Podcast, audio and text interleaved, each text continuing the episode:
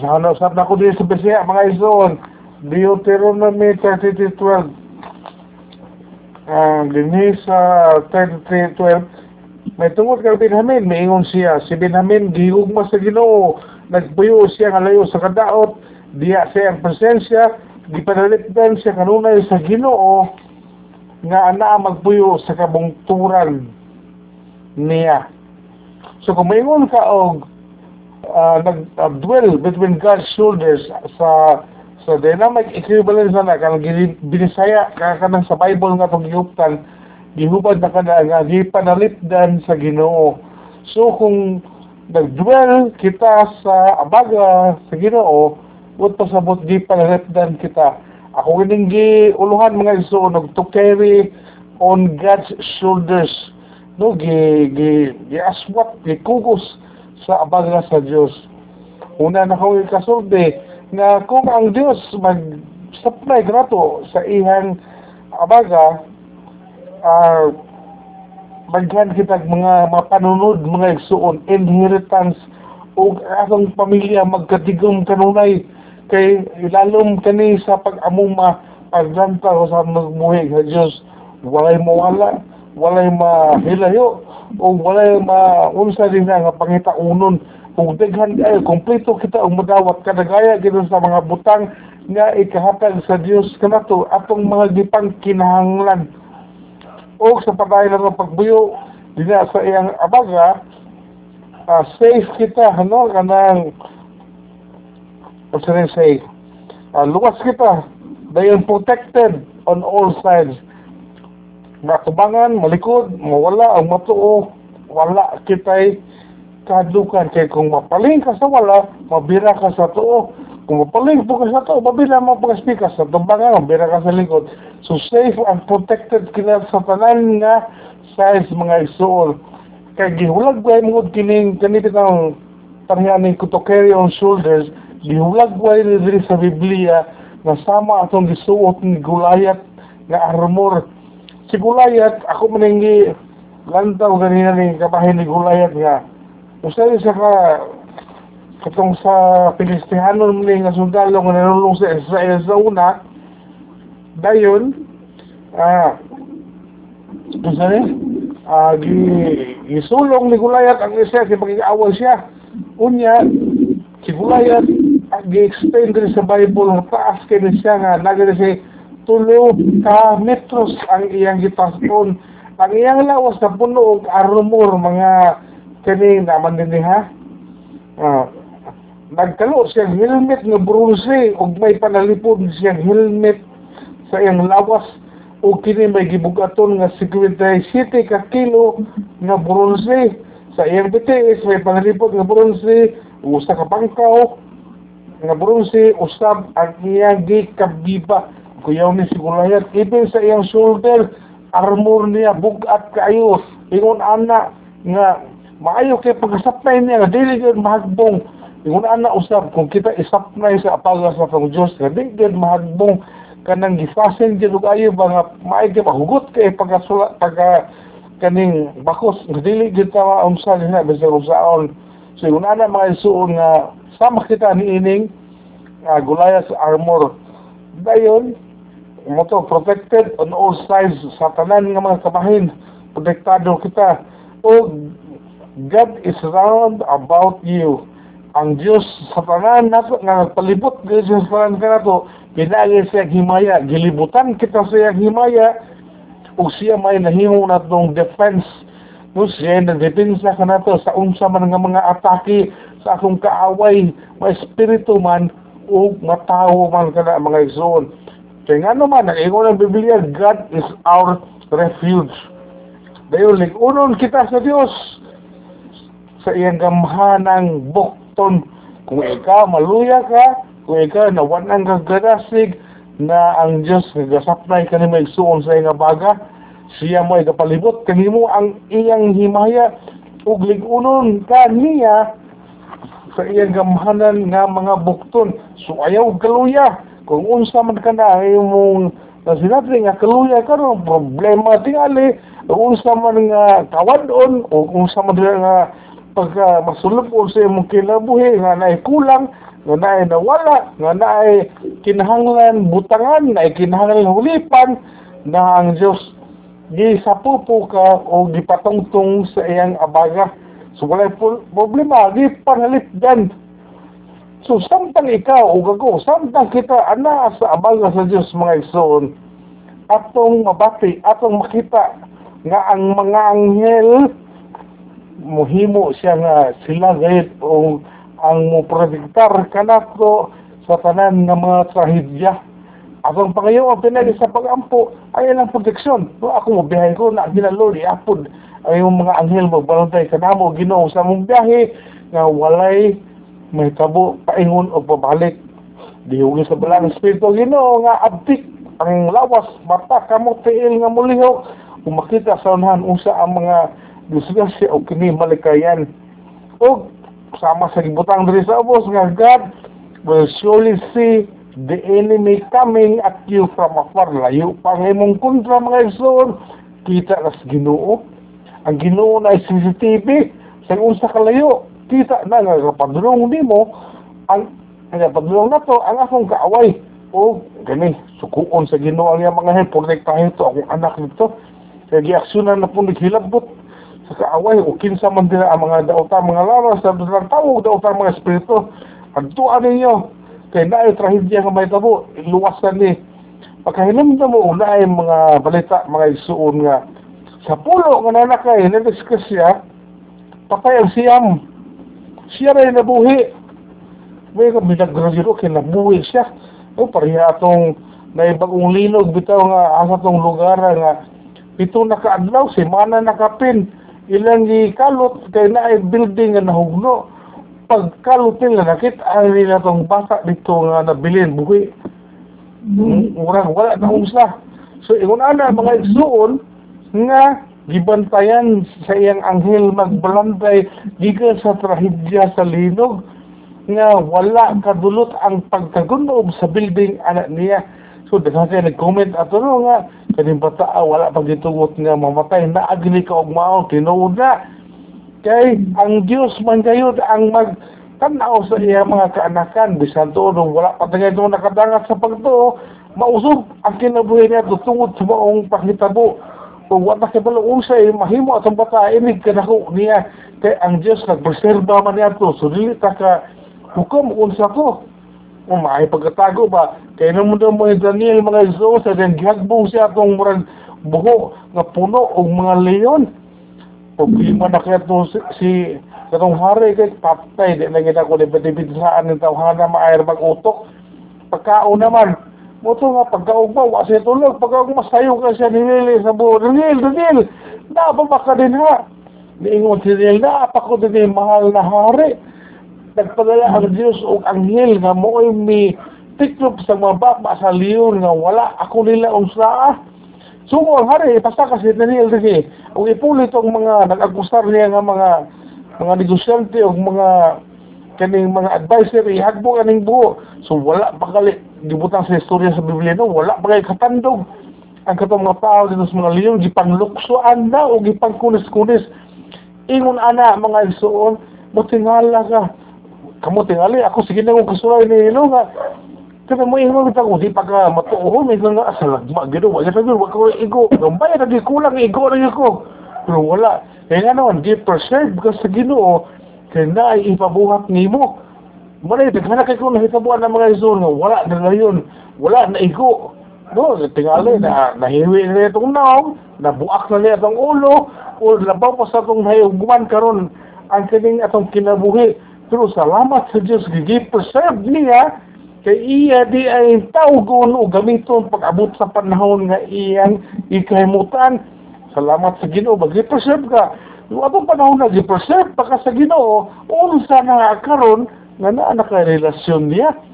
So, ang Ginoo gyud tanan ang naglihok para kanato. Kaya naman gibutang gayud kita diretso sa pagka sa Dios Inuundo mo ang mga amahan nga maghugus-hugus na ilang mga bata. Ako sa bata pa ko, ganahan mo kay ko kukuson sa kung ang kurso na ibutang sa ihang abaga. Then isa-isa taas. No, malingaw ko anang magsakadao ko, de salon ko. Makuyawan pa ko sa walang dili ta aksyon og salo pero dito sa ubos dili ta salo.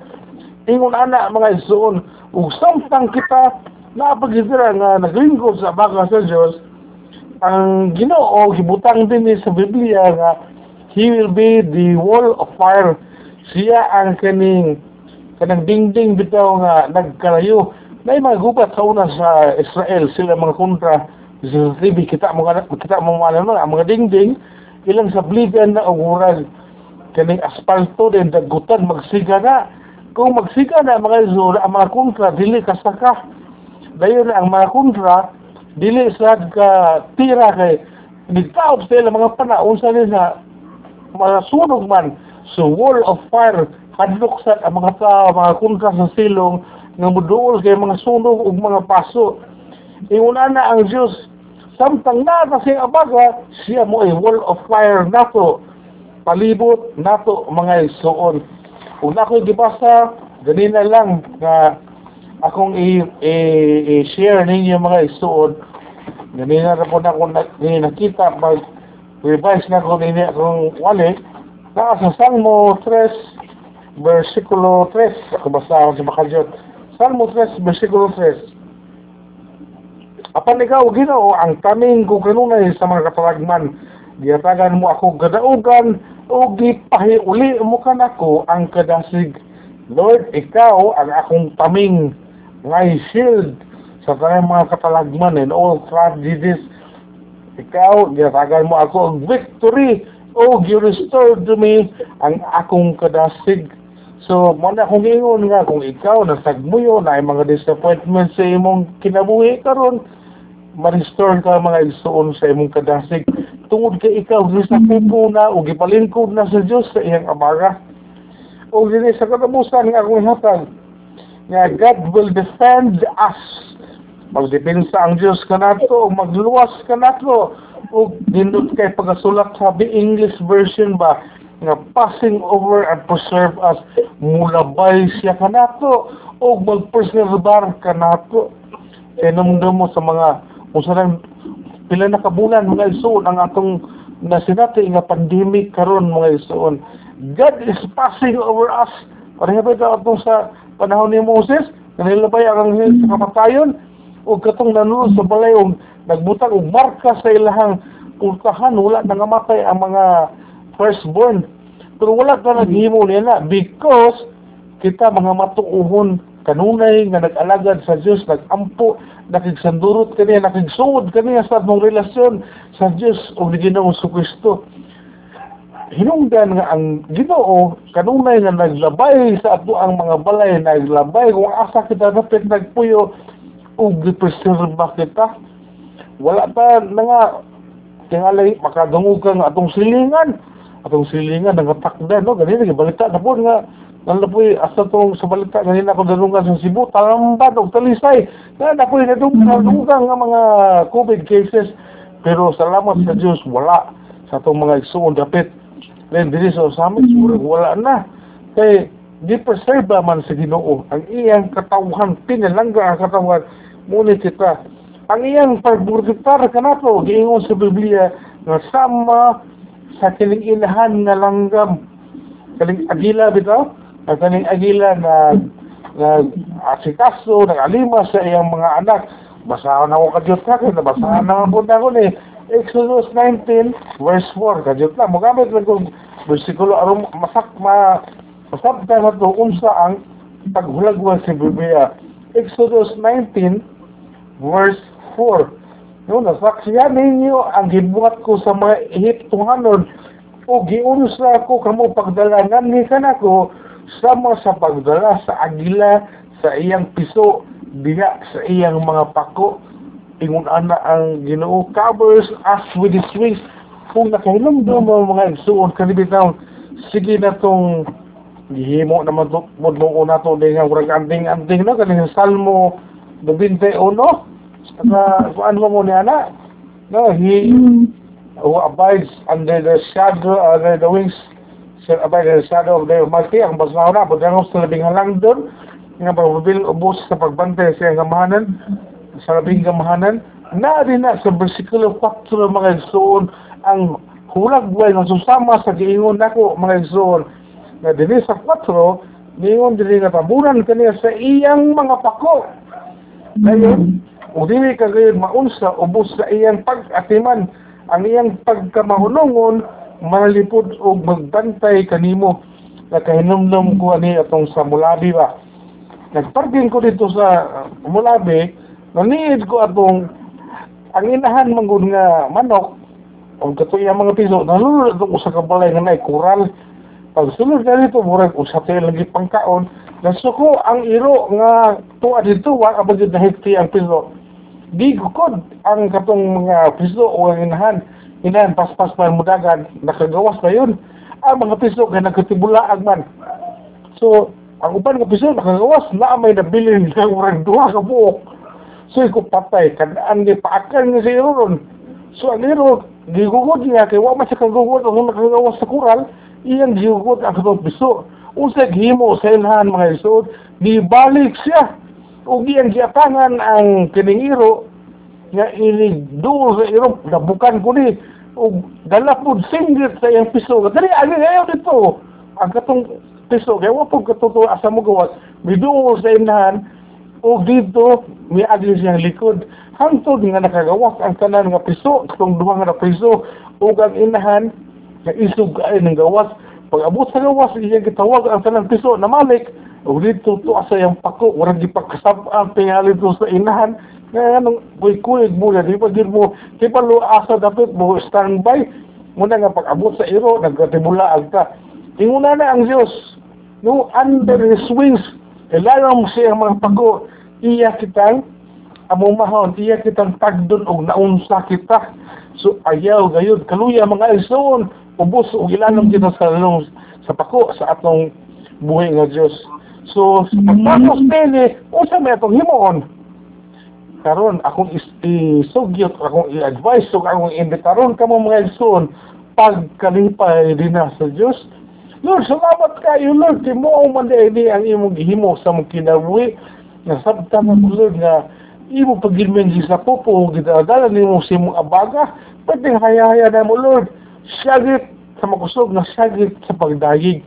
Mga mo niya ito mo, pagkabantay ba mo? Kaning, uh, ibutang na to ha. Nakabantay ba mo ka na sa simbahan? Kaya mo ato ka sa simbahan. Ako, sige ko sa una. Sa Bible school pa ko, matingal na ko nga kung mag-first worship ko, maulian ko sa akong lipong.